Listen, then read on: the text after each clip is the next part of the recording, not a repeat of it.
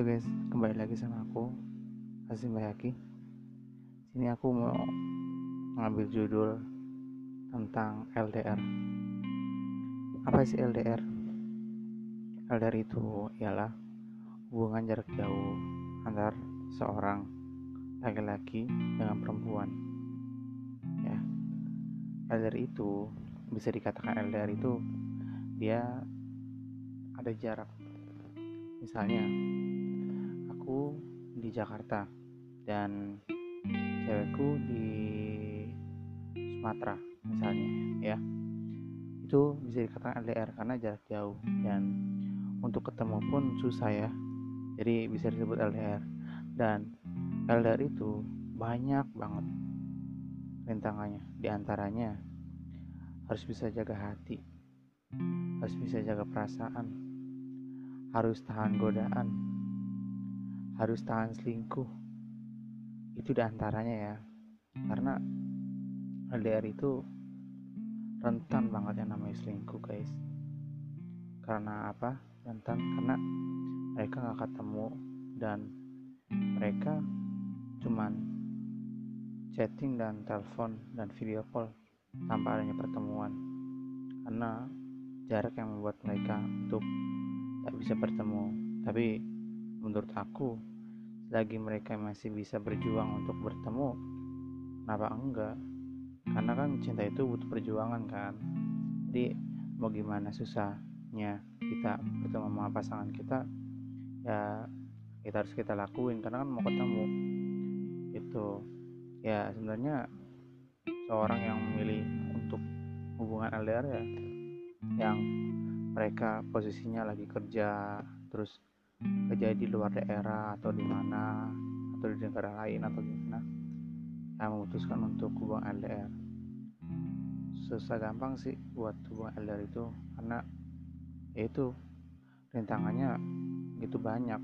Banyak seorang pasangan yang gugur saat LDR atau putus hubungan ya istilah katanya karena mereka nggak kuat nahan rindu nahan ingin ketemu. Karena udah lama nggak ketemu.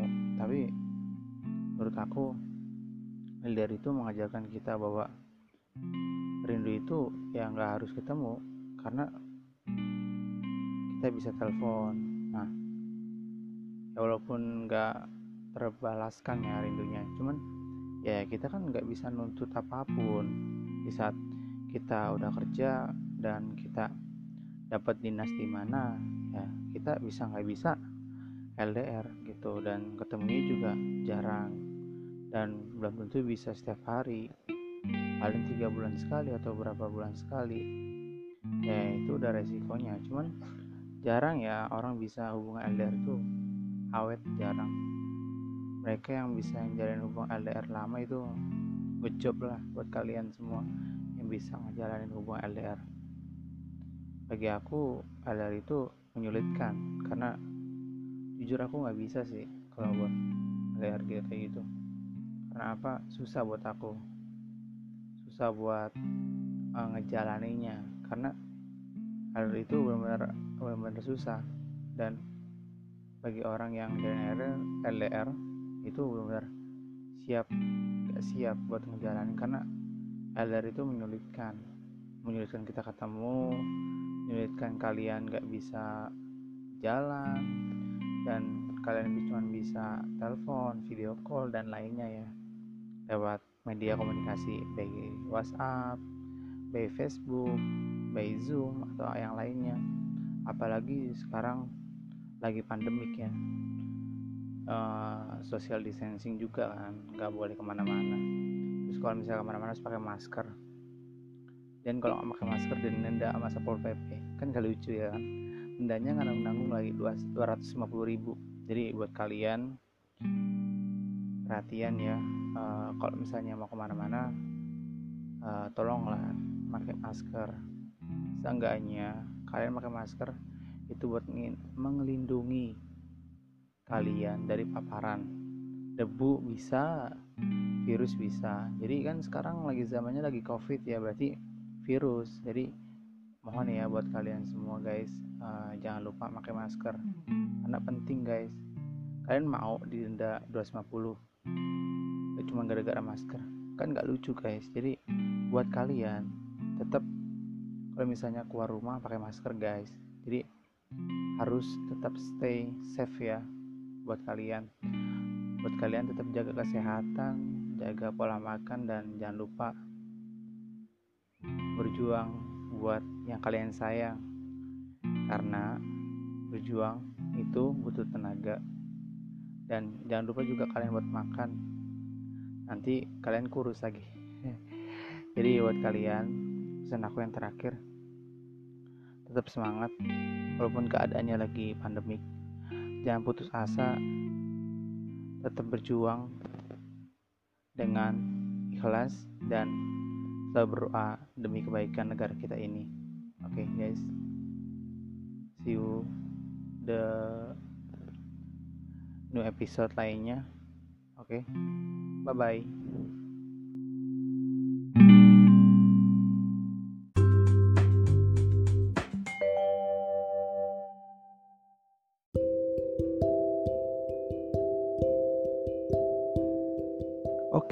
selamat siang semua.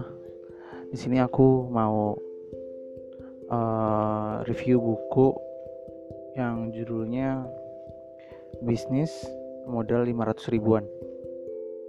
Uh, nama pengarangnya Evita P. Purnamasari. Di buku ini apa berisi tentang bermacam-macam usaha yang bermodalkan 500 ribu. Nah, tapi ada yang udah aku baca sih ya. Ini ada yang modalnya sampai jutaan cuman ini kan uh, yang 500 ribu yang kayak bangsanya dagangan kecil.